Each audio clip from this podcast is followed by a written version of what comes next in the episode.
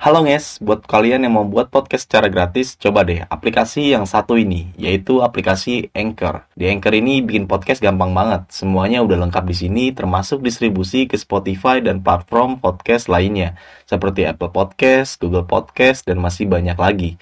Jadi tunggu apa lagi? Download aplikasi Anchor sekarang dan buat podcast kalian semenarik mungkin segera.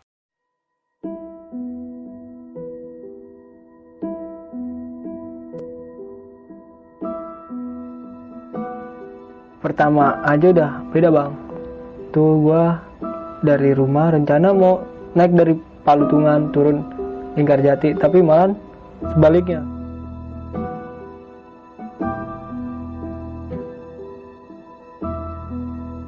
Habis itu gue ketemu seorang nenek-nenek.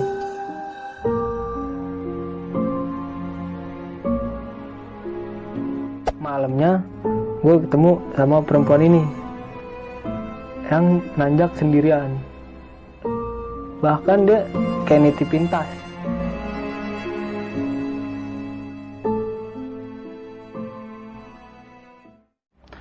Assalamualaikum warahmatullahi wabarakatuh. Balik lagi dengan gue Indra di besok pagi. Cerita pendakian. Uh. Oke, di segmen kali ini gue masih mendatangkan narasumber dan narasumber gue kali ini mempunyai cerita pengalaman pendakian horor 2015 di Gunung Cermai mengalami kejadian yang di luar batas nalar sampai pada akhirnya bertemu salah satu pendaki yang di mana telah meninggal satu tahun yang lalu. Oke, kita langsung aja nih. Siapa narasumber gue kali ini? Halo, Amar. halo bang alhamdulillah baik bang Alhamdulillah baik ya, Mar ya. Lu masih aktif nih mendaki gunung, Mar? masih bang Nah, sebelum masuk cerita, gue mengingatkan kembali buat teman-teman semua. Kita doakan dulu kepada si almarhum perempuan ini ya, Mar ya. Semoga eh, amal ibadah almarhum diterima di sisi Tuhan Yang Maha Esa dan tidak ada lagi lah kejadian-kejadian yang hilang di gunung atau meninggal di gunung. Nah, bagi kalian juga jangan lupa nih di subscribe besok pagi, like, comment, and share, nyalain loncengnya supaya kalian juga tidak tertinggal video-video terbaru dari besok pagi. Oke nih Mar, mungkin kita nggak usah beramal waktu lagi kali ya. Teman-teman juga udah penasaran sama cerita lo nih. Kita langsung aja masuk ke ceritanya.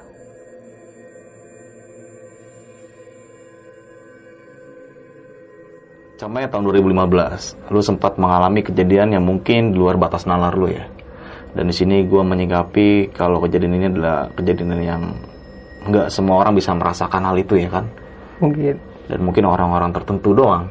kayaknya sih bang kayak Nah, gitu Lu bisa menceritakan gak sih Mar eh, dari awal nih sampai akhirnya lu mengalami kejadian yang lu alami di Gunung Cermai tahun 2015 itu seperti apa?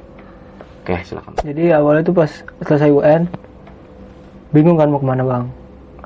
Jadi satu temen itu teman abang ngajakin nanjak gunung nih bang. Hmm. tapi dia nggak bisa ikut dia kerja. Kirain gue tuh dikenalin sama teman-temannya dia nih. Briefing meet up ada tujuan buat mau nanjak gunung mana. Jadi gue di situ gue nanjak 10 orang bang. 10 orang cewek satu pas yang lagi ngadain meet up buat rencana gunung mana nih? Tuh cewek yang pacar dari dari 10 dari 9 orang ini langsung lihat lu udah gunung cermai aja. Terus juga cowok gua udah pernah ke situ pengalaman ibaratnya. Hmm. ya gua ikut ikut aja bang. Soalnya kan gua juga udah dua kali kan pertama ke Salak kedua cermai. Gue ikut aja. Soalnya kan gue juga bete kan nungguin ijazah keluar liburan. Oke, kalau bahasa sekarang tuh healing. healing ya. nah pas. Udahlah tuh meet up. Tuh dua tiga minggu sebelum pendakian. Pas hari H ngumpul nih bang. Ngumpul di rumah gua. Ngumpul di rumah gua meet up. Me- setengah sembilan jam 8 habis sisa lah. Habis sisa tuh mulai perjalanan menuju kampung rambutan Naik bis lu ya. naik bis. Pas di perjalanan ngobrol-ngobrol lah ibaratnya kan untuk nanya yang udah pengalaman nih. Hmm. trek itu gimana? Oh kan kita niatnya tuh dari Palutungan turun Lingkar Jati melintas. Ya udah bang ibaratnya kan lu pengalaman udah, udah pernah nih. Jadi aman lah ya insya Allah aman. Ngobrol-ngobrol ngobrol. Akhirnya di dalam bis itu beristirahat lah gue sama yang rombongan lain. Pas di jalan nyampe ke jalur lingkar jati keneknya itu langsung bilang posisi itu rombongan gue itu lagi tidur bang. Ayo buat mas buat kalian nih yang mau ke Gunung Cermai bisa lewat lingkar jati turun di sini. Nah serentak tuh bang. Langsung gue tuh bangun. Lainnya juga bangun. Turun lah mobil udah agak jauh baru sadar. Dan cewek ini pas dia mau jalan tegur kan sama nih cewek. Ini kayak ada yang beda deh ada yang aneh. Aneh gini kenapa kak? Kan kita dari awal turun naiknya palutung eh, palutungan. Kenapa kita lingkar jati? Wah iya ya. Udahlah kata yang pacarnya nih cowoknya ini. Dia insya Allah nggak apa-apa aman. Udahlah kan dari situ jam 5 sampai basecampnya itu jam 6 jam 7 bang. Hmm. sampai sana prepare lah.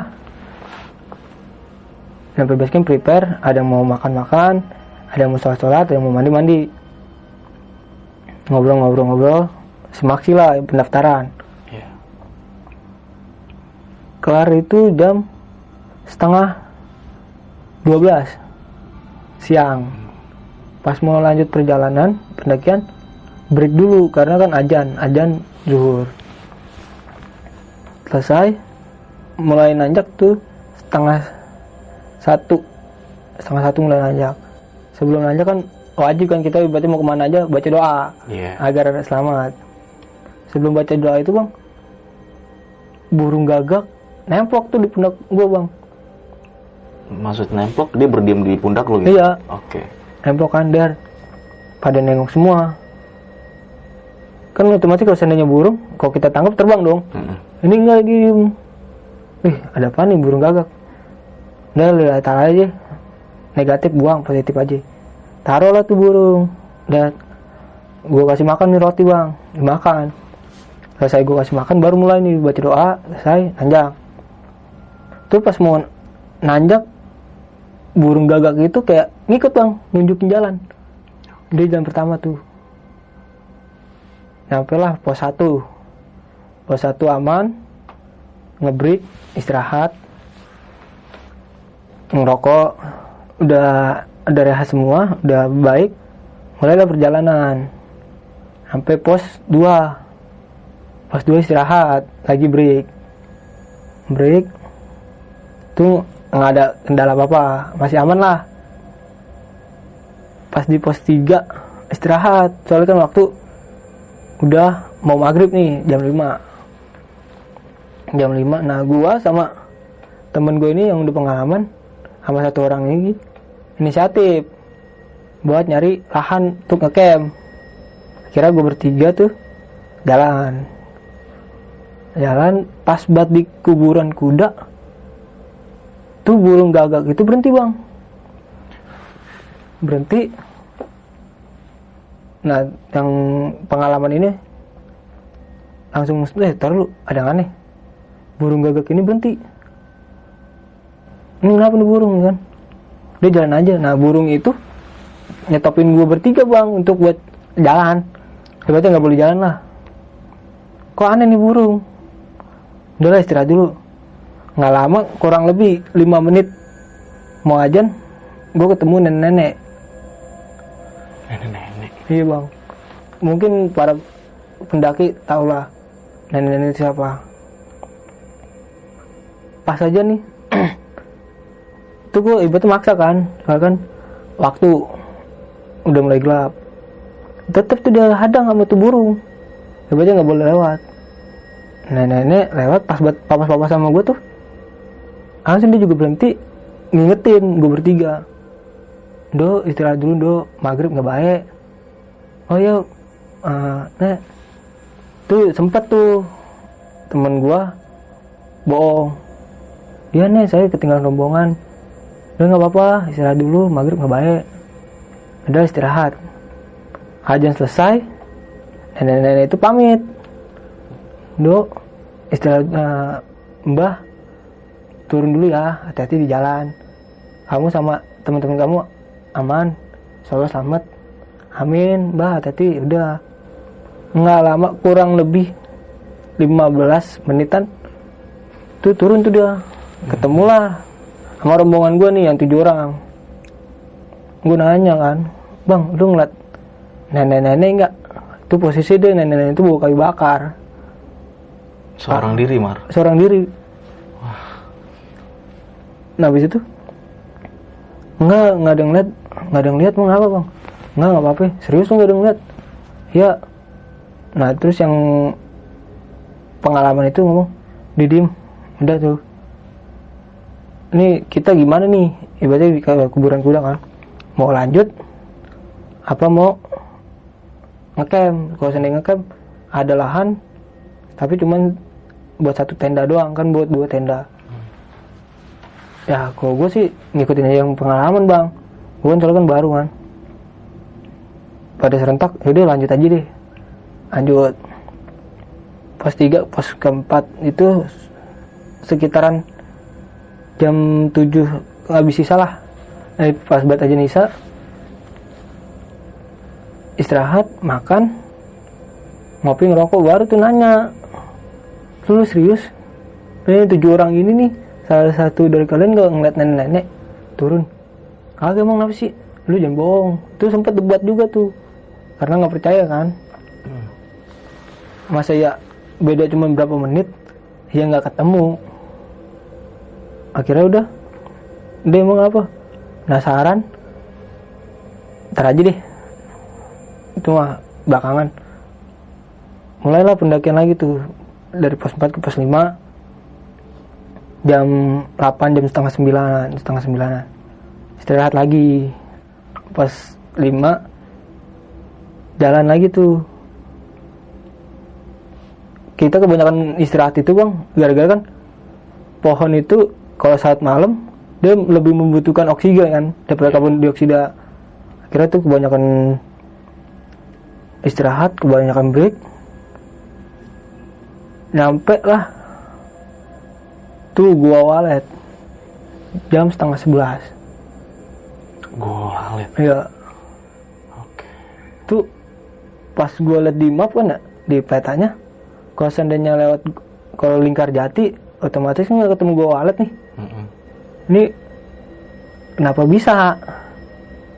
Nah mungkin kepikiran gue tuh. Nah kebanyakan kali kan? Kebanyakan daun surga enggak lah kira alhamdulillah nyampe di Go Wallet setengah 11 malam. Setengah 11 malam sebagian masang tenda sebagian masak lah bang ya kan? Prepare bagi-bagi tugas. Pas lagi masak nih bang gue ngeliat cewek sendirian nanjak. Dan gue langsung ngomong kan bang sekarang jam berapa? Tuh sekitaran jam 11 setengah 12an bang jam segitulah. Cewek berani banget nanjak jam segini. Wah lu halu kali lu mar? Agak bang. Tuh terus cewek. Tuh sekitaran kalau nggak salah umur 23an lah. 23 tahun lah masih muda. Mar lu halu kalau bang. Banyakan lu mar. Biasanya istirahat tenda. Agak bang. Gue sempet debat juga kan. Nah yang pengalaman itu udah lu sama gue aja. Tenda deh terus dia juga nyiapin buat preset tuh ngejemur pakaian. Lu serius lu? Ngeliat serius bang. Gue ngapain bang gue kalau seandainya nggak sadar mah. Ngapain kayak gini kan? Selesai itu baru tuh pas yang masak ngeliat tuh cewek juga. Aneh ambil mikirin ambil ngerokok kan? Ngerokok ngopi tuh cewek betul cewek jadi jadian apa cewek bener nih Iya, iya. Soalnya kan masa ya gua doang yang liat yang lain enggak. Terus teriak nih yang ceweknya. Cewek si pacar itu kan, yang cowok itu. Gila cewek yang berani banget jam segini sendirian. Itu jam 12-an setengah satu Di Gua di Walet. Go Walet. Oke. Nah pas itu tuh cewek ngomong kayak gitu, gue langsung keluar tenda. Nah gue langsung ngomong ke temen gue yang itu kan yang di depan yang lagi bikin preset. bang ini bang cewek yang gue lihat. Ah serius tuh berarti bukan goib kan? Nggak tahu juga lah. Ah, samperin samperin. Akhirnya samperin tuh gue sama temen gue tegur lah sama temen gue nih. Kak berani banget ya kan? Sendirian? Iya mas. Saya ketinggalan rombongan. Udah kak lebih baik kan istirahat dulu sini. Nggak balik juga kan udah malam segini. Kakak sendirian. Oh iya mas boleh tuh. Ngobrol-ngobrol-ngobrol udah katanya juga ketinggalan rombongan nggak tahu di mana tuh dia udah jalan duluan dia ngomongnya alasannya mau kencing Oke. Mau kencing ditinggal sama Ditinggal. rombongannya. Iya. Iya. Mungkin juga itu ngikut open trip kali kan. Mhm. Pas udah itu ditawarin nih sama cewek nih, kak makan dulu. Oh iya, kak makasih kan, makasih mbak. Minum kak. Iya makasih mas. Saya boleh numpang istirahat gak? Oh iya silakan nih kan. Saya ada te- cewek satu nih, temenin aja kak. Udah tuh akhirnya istirahat. Biarin dah, kata ini biarin dah dia istirahat. Kita kan belum makan kan, makan. Tuh aneh lagi makan tuh ambil mikirin. Nih cewek beneran apa ya gitulah kan kelar tuh jam 1 jam 1 baru tuh kayak buat tidur. Tuh pas semua tidur istirahat gue tuh masih kayak tidur tidur aja bang masih mikirin nih cewek beneran gak sih? Jam-jam sekitaran jam dua setengah tiga bunyi lah sleting ada yang keluar tenda. Gue nengok kan kirain gue antara temen gue yang ini kok nggak yang cewek yang ini kan Hmm. minta temen buat kencing. Pas gue liat lah cewek yang ini bang yang jalan sendirian. Kak mau ke mana? Oh iya mas. Ah, saya mau nanjak duluan ya. Mau ngejar teman saya? Oh iya kak. Hati-hati jalan. Mas mau ngikut gak oh maaf kak. Saya nungguin rombongan yang lain teman-teman saya. Jadi saya duluan ya mas ya. Ya hati-hati kak. Dia tuh dia jalan sendirian. Itu jam berapa kejadiannya? itu summit jam setengah tiga jam setengah tiga jam tigaan. Pagi. Pagi. Ya. pagi. Itu posisi kan gue juga belum tidur kan tidur tidur ayam. Ah, pikirannya itu masih pikiran tuh cewek. Soalnya masa iya gue lihat sendiri yang lain kagak ngeliat sedangkan udah nggak lama kurang lebih jarak 15 atau setengah jam lah. Kejadian yang gue ngeliat itu dia langsung teman-teman gue ngeliat. Lanjut kan. Nah gue di situ prepare kan ya seenggaknya gue kan baru nih wah apaan aja yang siapin? Ya udah gue siapin aja yang masuk masukin tas. Ya kan tiba-tiba alat apa yang buat di puncak? Soalnya kan dikasih tahu kan kalau sini mau puncak bawa aja kompor air secukupnya sama kopi lah buat ngopi di sana. Bangun tuh temen gue bang. Rombongan gue tuh jam setengah empat jam setengah empat jam empatan. Tuh bangun. Ayo bang mau nanjak jam berapa kan katanya mau ngajak sunrise Babet, oh iya nih ayo terus nih modal udah gue siapin bang nah kan otomatis kan lu rombongan 10 barang 10 dong iya. Nah ini kelebihan satu. Nih cewek ngomong, ini kok bareng kita kelebihan satu nih tas. Oh ini kakak yang tadi kali. Nah terus barunya iya kakak yang tadi mana? Marah, udah jalan duluan bang. Lalu kenapa nggak ini? Apa nih katanya dia ngejar rombongannya sama teman-temannya.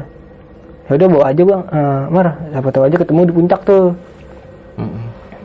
jam setengah limaan mulailah nanjak nanjak sambil nyari-nyari kan lihat-lihat pendaki lain siapa tahu aja ketemu tuh cewek ketemulah di per, setengah seperempat jalan ada pendaki lain nanya bang ngeliat cewek nggak identitasnya ini ini ini oh enggak mas nah gue pikir, gue pikir kan wah mungkin ini baru kali ini bareng gue Mm-mm. Terus pas nanjak lagi, pas di pertengahan ada pendaki lagi kan. Gue nanya lagi, Mas numpang nanya ngeliat cewek nggak nih? Ciri-cirinya ini hijab ya kan, hijab, pokoknya dekil lah, kayak habis jatuh gitu. Oh iya mas, dia minta minum sama saya. Oh pikir ah, aman berarti, aman. jam 7 nyampe nih puncak. Jam 7 pagi. Tuh langsung gue kepikiran ah, teman-teman gue itu kepikiran sama tuh cewek. Tasnya kan soalnya di gua di rombongan gua. Nanya nih di setiap sama pendaki lain mas ngeliat cewek ini nggak? Pakainya dekil hijab oh nggak ngeliat mas. Mungkin ya dia baru nyampe kali ikan barengan gua. Beda berapa menit doang. Gue nanya yang lain. Ada mas. Dia meminta fotoin juga sama saya. Habis itu wah aman berarti. Terus sampai nungguin bang gue dari pagi jam 7 sampai jam 9 nih. Jam 9 jam 10 nungguin tuh cewek. Kagak ada juga. Akhirnya jam 11 siang turun lah buat ke tenda. Tenda. Sampai tenda itu masak prepare. Nah sebagian prepare sebagian lagi masak sebagian lagi nungguin orang nih yang itu cewek. Pas nungguin cewek kok nggak ada yang lewat? Ceweknya ini nggak ada nggak ada yang lewat juga kan. Ini gimana nih nggak ada yang lewat? Dia ntar aja aja. Mungkin masih di atas kan. Soalnya kan tasnya ketinggalan sambil nunggu tuh jam 11 jam 12 nggak ada. Dia nyantai tuh. Tuh di situ gua digangguin bang. Sama penunggu situ. Kan buah hamuk tuh. Teman gua lagi tiduran situ. Dengar bang suara kuda. Kuda lewat. Dia langsung bangun. Eh kok ada kuda? Lu denger gak? Agak bang. Ah udah biarin dia kan langsung kepikiran yang soal nenek itu kan. Dan teraja mungkin ceritanya di bawah. Terus nih yang cewek rombongan gua lagi buk apa ganti baju tuh buat pulang. Dia itu ngeliat kayak depan tendanya itu kayak ada orang. Tinggi. Tinggi. Selesai. Itu sampai sore bang gue perkiraan sore setengah tiga jam oh, ini gimana nih? Nah inisiatif nih temen gue yang udah pernah ke ini. Dia kalau mau kita semalaman lagi aja di sini buat nyari tuh cewek. Apa tahu aja kan nyariin. Ya udah bang. Gue ikut aja kan soalnya kan gue baru lu juga di situ sebagai por- eh, leader kan. Kagak ketemu juga. Sampai malam malam lah. Udah mulai horor. Tuh tapi burung gagak kayak itu masih nemenin. Sampai gue walet. sampai gue temenin. Prepare ya kan? Masak. Ngasih lah tuh makan burung kan. Tuh kayak burung anteng aja situ ibaratnya. Kagak ke mana-mana.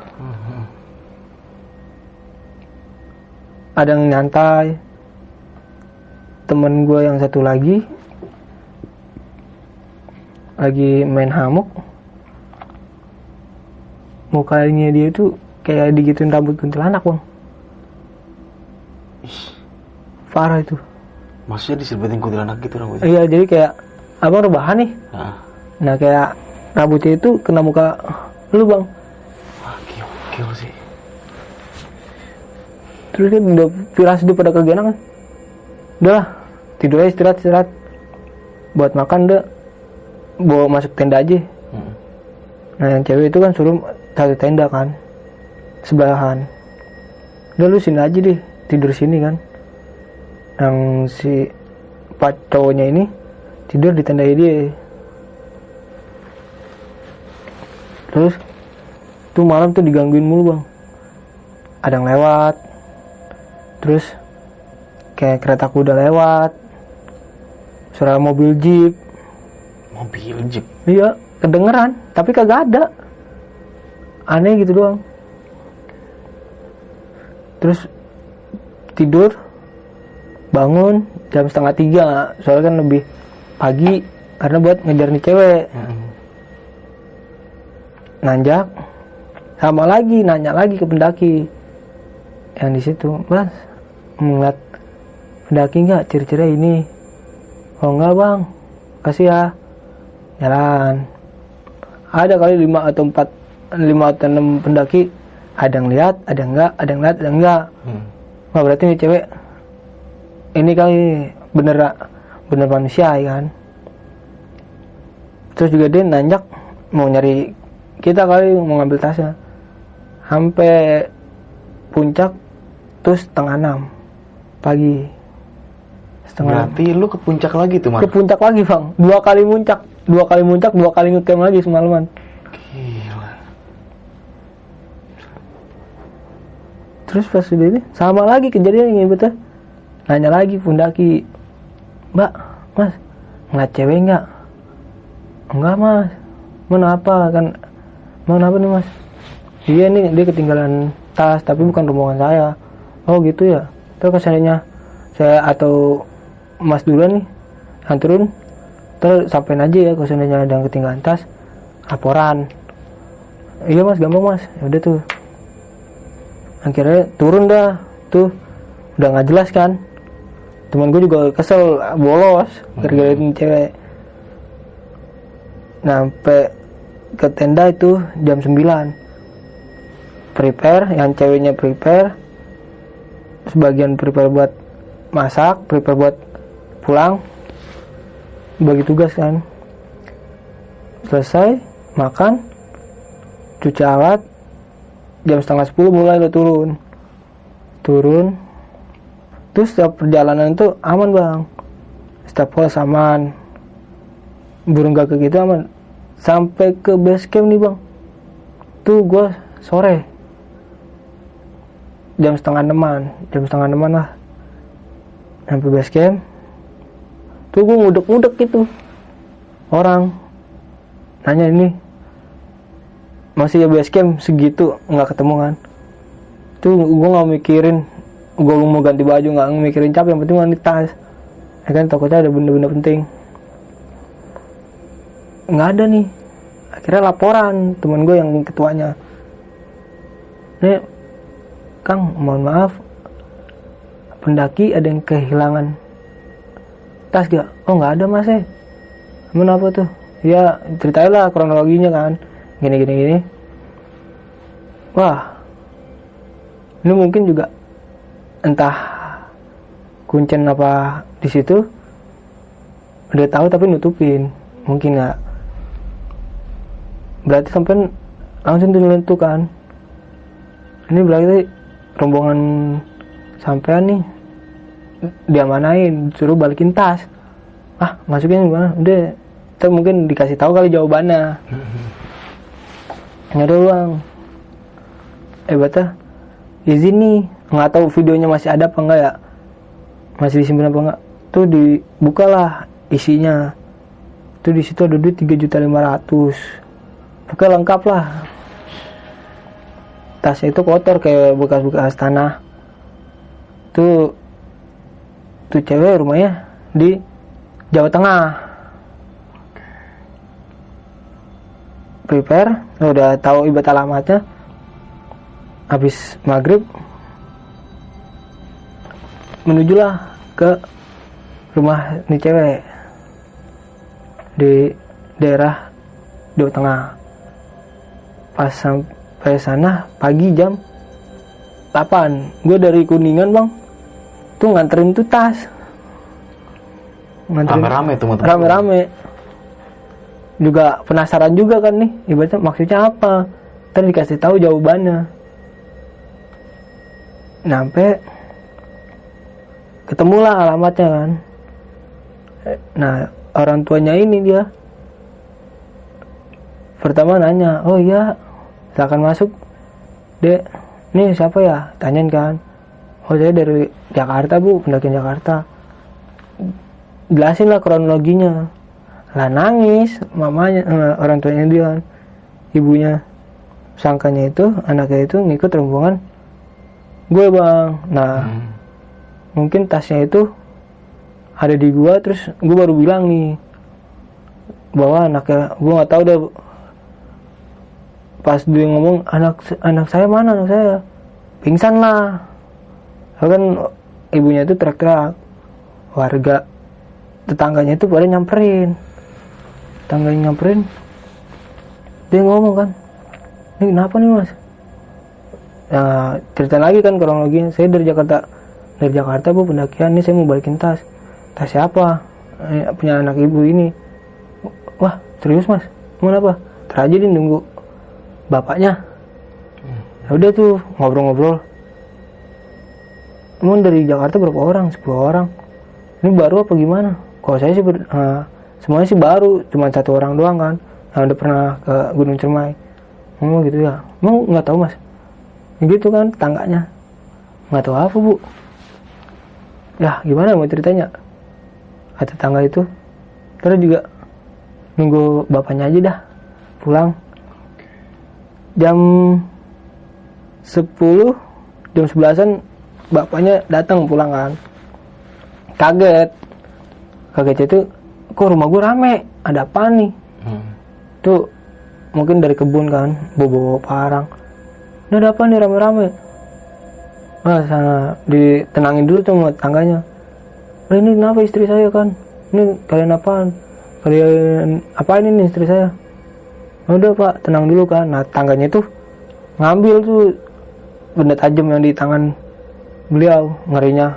Emosi tebas wassalam. Iya. ya udah pak duduk dulu nih. Dari ada tamu jauh. Katanya bal- balikin tas.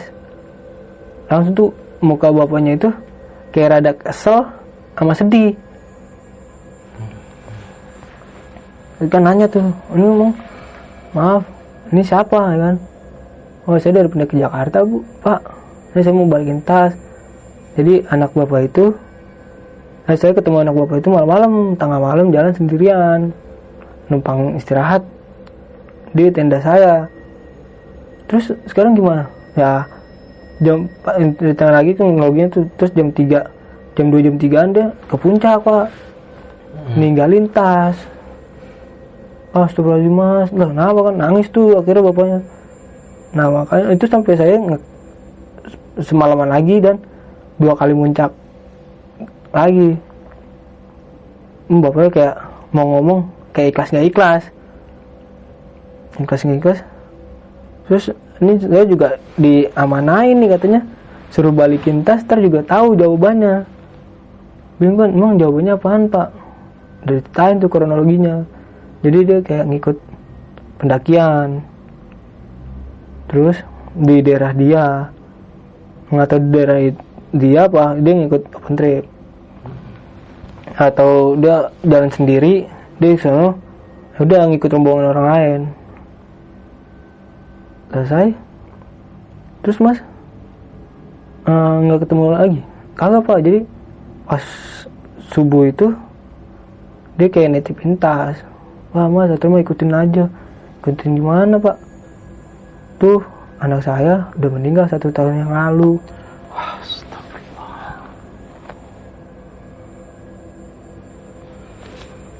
Berarti kejadian dia meninggal itu tahun 2014 ya, Mar ya? kemungkinan nah itu ngomong katanya jasadnya itu belum diketemuin Sampai sekarang?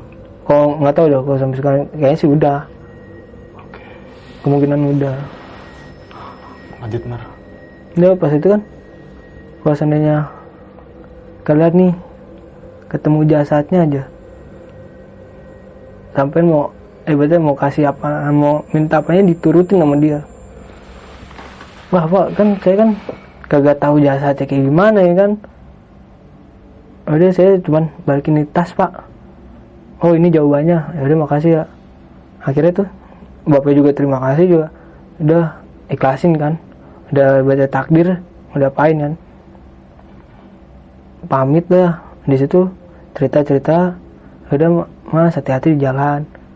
Dikasih duit ongkos tuh sama orang tuanya Balik lagi lo ke base camp. ke, ke ini kan base campnya buat laporan Waduh, bolak balik. Iya. terus Ah, eh, aman mas aman dah nah pas itu mau balik ke Jakarta nggak ada mobil soalnya kan kemalaman jadi ngecamp lagi di base camp dua kali kerjaan dah perjalanan yang cukup lama pendakian Gunung Cermai. Parah. itu. parah itu juga perdana juga bang ibaratnya dua kali hmm, hmm. Terus eh, orang ini nanya udah tahu belum jawabannya? Udah. Oh ya udah hati-hati mas. Udah pas paginya pulanglah ke Jakarta. Sampai saat itu udah trauma bang. Gua bahkan yang lainnya diajakin juga. Nggak bakal nggak mau. Dibayarin? nggak mau juga gua Oke. walaupun ibaratnya maaf nih ya. Misalnya lu ngajakin gua mar nanjak gunung cermai gua bayarin deh. Terus gua kasih duit lah ibaratnya lah. Nemenin gua dah. Nanti tuh bang? Walaupun lu ngasih berapa juga tetap Oke, oke, oke. Tapi pendakian di Gunung Cermai tahun 2015 pada saat itu lu merasakan yang di mana bukan lu doang ya yang melihat ternyata pendaki-pendaki yang lain pun juga ngeliat ngeliat. perempuan itu. perempuan itu Mungkin nanti bakal ada sesi tanya jawab yang bakal dikupas tuntas di segmen evaluasi mal ya. ya bang.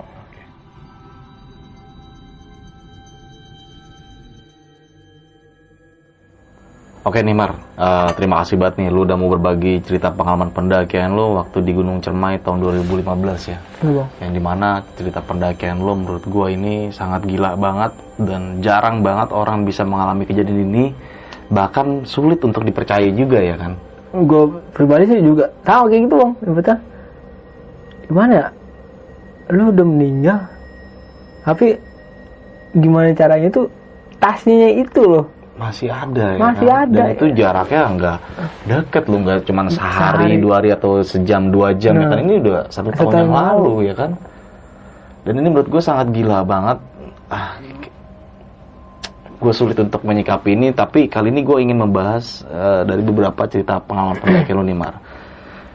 Awalnya kan lo mau mendaki Gunung Cermai ini memang ada beberapa kendala ya Mar? Ada. Dari awalnya dari awalnya. lo mau lewat jalur Palutungan ternyata diarahin ke Linggarjati. Linggarjati. Nah, pengalaman ini pernah gue alamin juga tuh waktu gue naik Gunung Cermai. Emang kan naik supir besono usi-usi. emang. udah gitu apalagi supirnya Iya. udah kayak bawa ambulan Apalagi kalau kita jadi penumpang terakhir nih, Nah. asal aja udah turuninnya. Emang. Tapi semoga di tahun ini udah bagus, lah Bagus. ya. Nah, Mas lu sampai Linggarjati, kenapa tuh? Kayak tadi kan sempat, udahlah kita jalanin aja. Kenapa sih dengan Linggarjati itu mungkin ada beberapa teman-teman lu yang menganggap kalau jalur Linggarjati itu oke lah jalur ekstrim, Hmm. mungkin ada sudut horornya apa gimana? Ada gak kayak gitu? kalau itu kan mungkin nanggung kali bang soalnya kan Ah. kita udah posisi di tempat nih lu mau jalan lagi kan yang pertama ngabisin budget Mm-mm. ngabisin waktu juga Hmm. makanya udahlah jalan Akhirnya lu jalanin aja Iya, tuh. jalan aja itu juga sebenarnya kenapa turun lingkar jati kata yang pengalaman ini lebih ekstriman lingkar jati Hmm. treknya Mm-mm. terus juga katanya horornya itu juga emang parah Di tapi dia nggak ngomong nggak ngomong horornya ini pas udah selesai turun dia baca dia balikin tuh apa namanya Tas. Tas.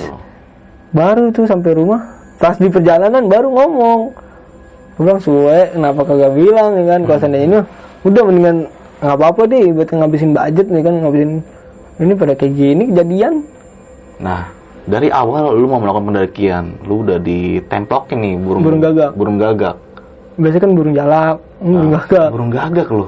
Bukan jarak lagi lu. bukan jalak lagi eh, berarti burung gagak itu kan mensimbolkan Ah, orang kematian kan iya. Nah, ah, dari eh, hati nurani lu nih ya, pribadi lu melihat keadaan pas awal pendakian lu ditempokin burung gagak, pastilah kita menyangka ada hal-hal apa pun. Iya. Tapi lu menyikapi saya positif kan? positif Nah, gue yang pengen gua pengen tanya waktu lu berpikir negatif, apa yang lu pikirin tuh waktu burung gagak? Nah, gue pikir ya antara gua apa rombongan gua nih yang Oke. meninggal. Kalau kan burung gagak kan kan kan kalau mitos apa fakta apa mitosnya kan kalau ada burung gagak nih tiba-tiba di sekitar rumah kita nih antara keluarga kita atau tangga. Oh, pokoknya sekitaran Nah, kita sekitaran lah ya. kita lah.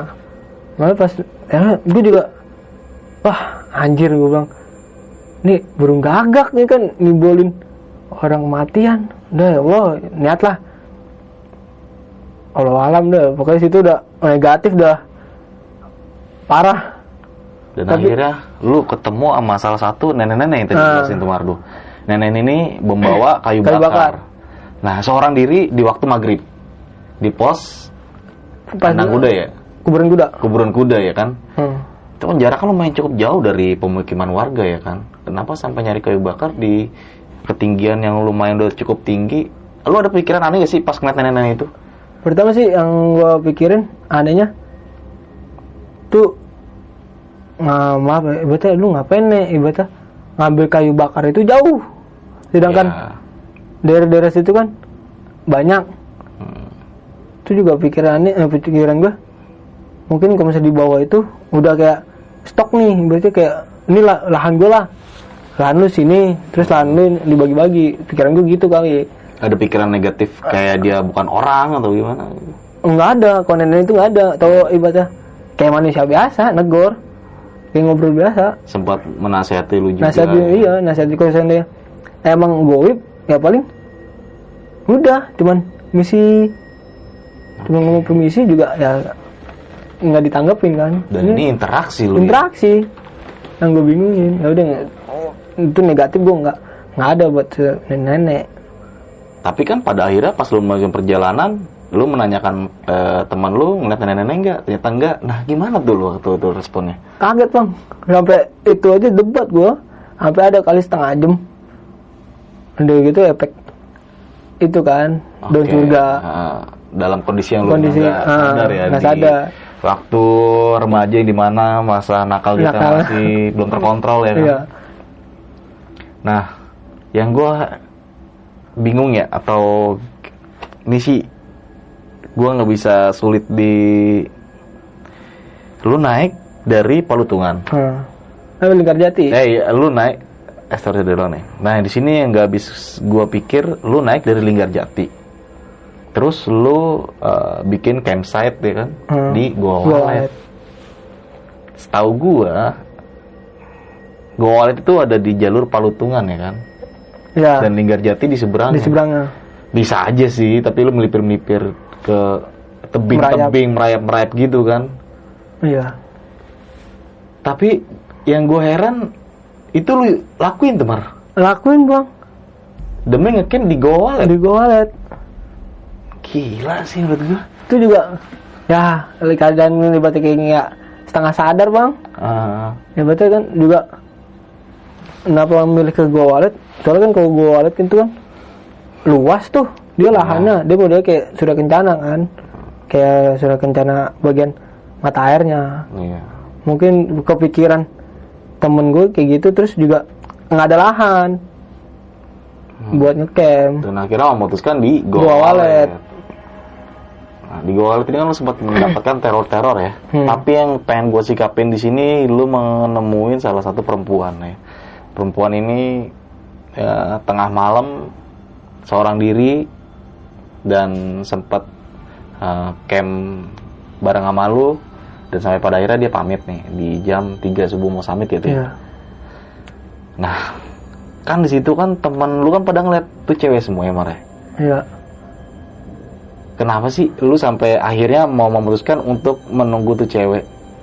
Nah soalnya kan pertama yang ngeliat gue itu yang pertama ngeliat cewek itu kan gue Mm-mm. gue langsung ngomong kan. Ya berarti kaget kan. Gue posisi tahun 2015 itu udah dua kali nanjak. Hmm. soalnya ah, dua kali nanjak. Tuh nggak mungkin dong untuk para pendaki nih jangan kan jam segitu bang jam. Habis maghrib aja kita harus benar-benar udah ngecamp. Kalau yeah. emang nggak kuat ya. Udah stay baca di situ Hmm, Gak dipaksakan lah ya? nggak dipaksain makanya gue pikir Bahkan setengah jam, eh, jam setengah dua belas jam dua belasan nanjak sendirian. Lalu Bilangnya ditinggal rombongan Nah. juga ya kan? itu juga apa namanya masih negatif juga kan nih cewek kalau seandainya ini ya kayak gua lah ibaratnya kan kalau seandainya emang lu nggak ini ya numpang Mm-mm. kalau seandainya lu jalan terus kan resikonya gede bang Iya, jam segitu seorang diri Nah. ya kan? cewek lagi Dan di Goa Walet itu kan ketinggiannya udah lumayan cukup tinggi. dan kan cewek gua aja pribadi gua lebih baik numpang tidur dah daripada lanjut Iya lah, juga Jalan. sama gitu Mar.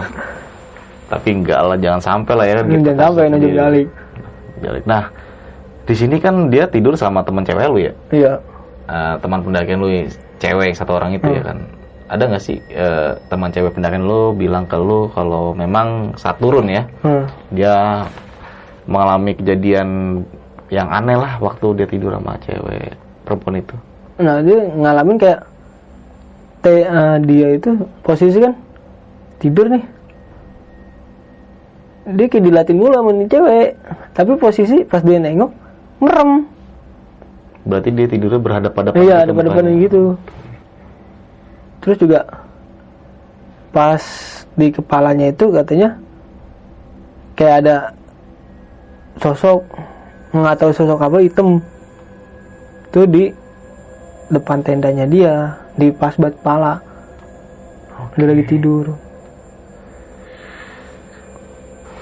Dan yang gue bingung juga tuh bang burung gagaknya itu loh gak hilang-hilang. Nggak hilang-hilang sampai gue turun pun ada. Pas sampai base camp ibaratnya kurang lebih 10 menit lah nyampe base camp udah terbang.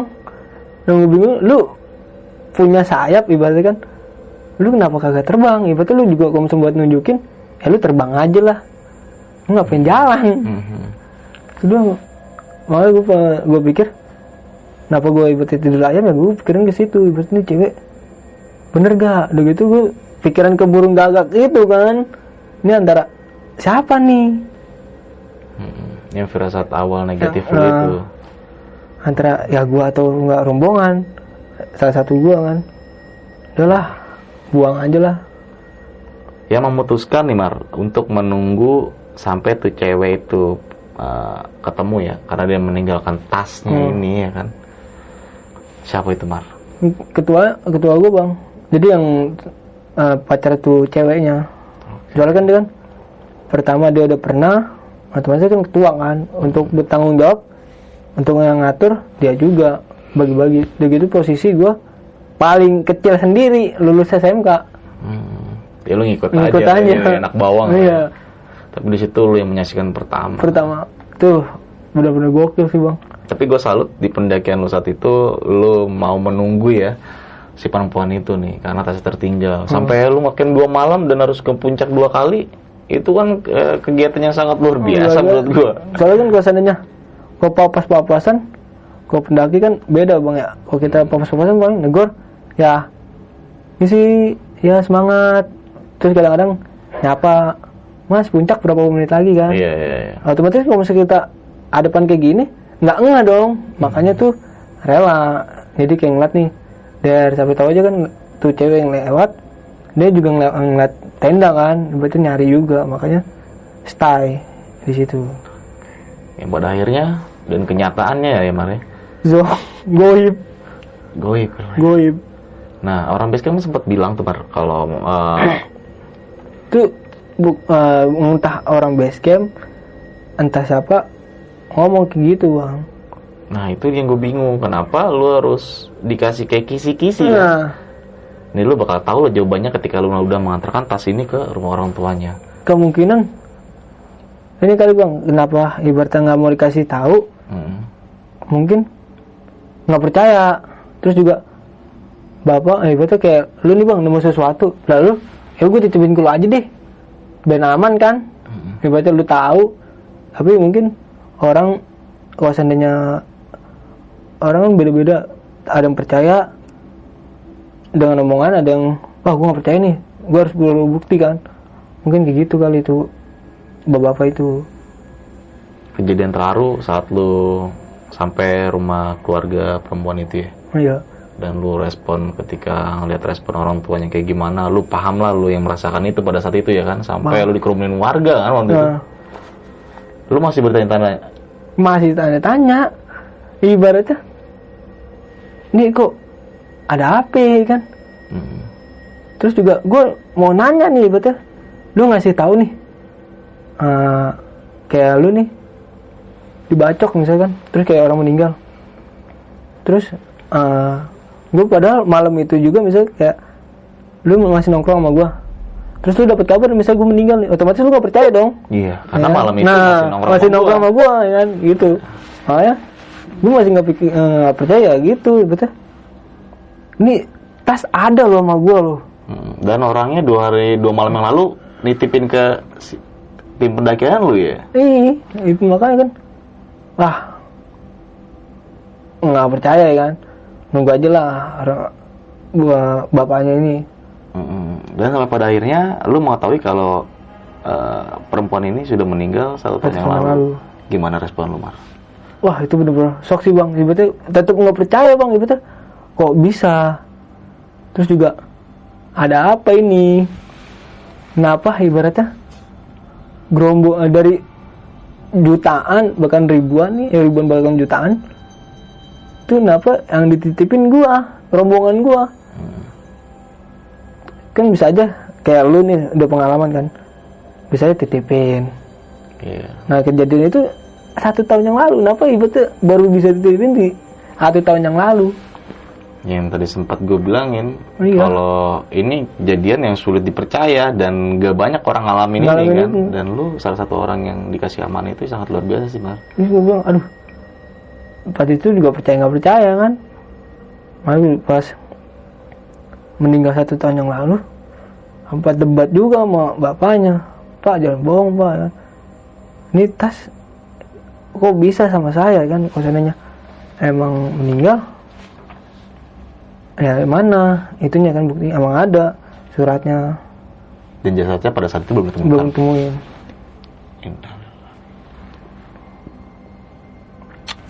Mana gue nyikapin ya?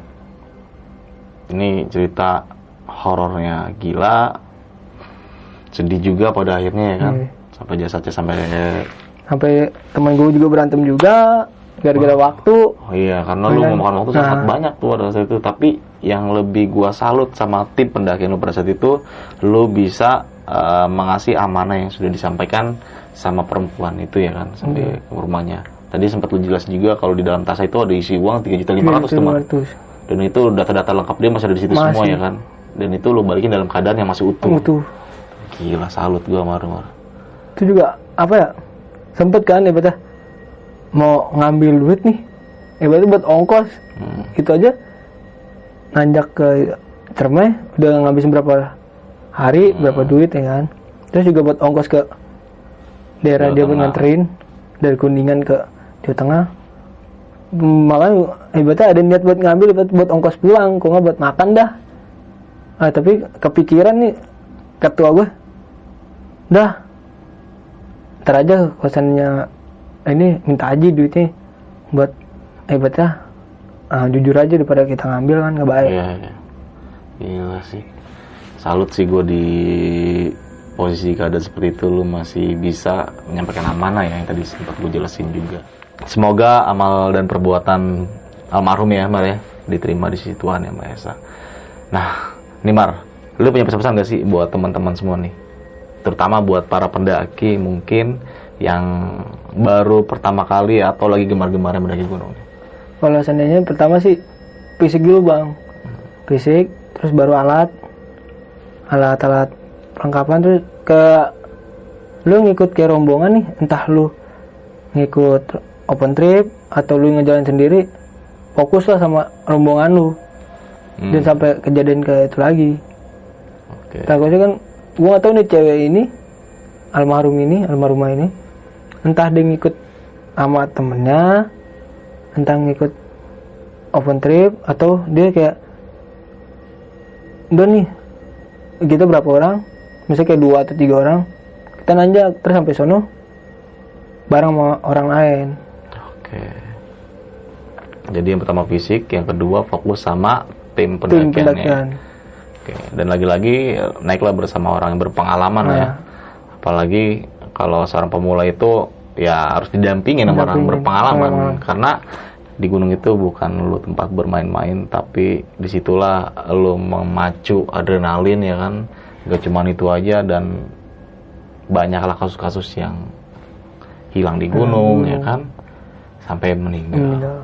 bahkan jasadnya ada yang ditemuin ada yang belum. Sampai tahun ini kan? Nggak kalau misalnya untuk tahun ini nggak tahu deh itu almarhum.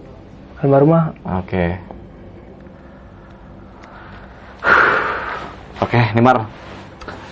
Mungkin cukup sekian nih dari gua nih Mar. Ya. Lu ada yang mau ditambahkan lagi nggak nih? Soalnya kita udah mau pagi nih ya. Oh iya bener. Parah ya, udah jam, berapa nih? Jam 2. Jam 2 ya? Jam 2 kurang 5 menit. Mantap. kita tutup aja nih podcast pendaki horor kita kali ini. Saksikan video-video berikutnya dari besok pagi dari gue Indra.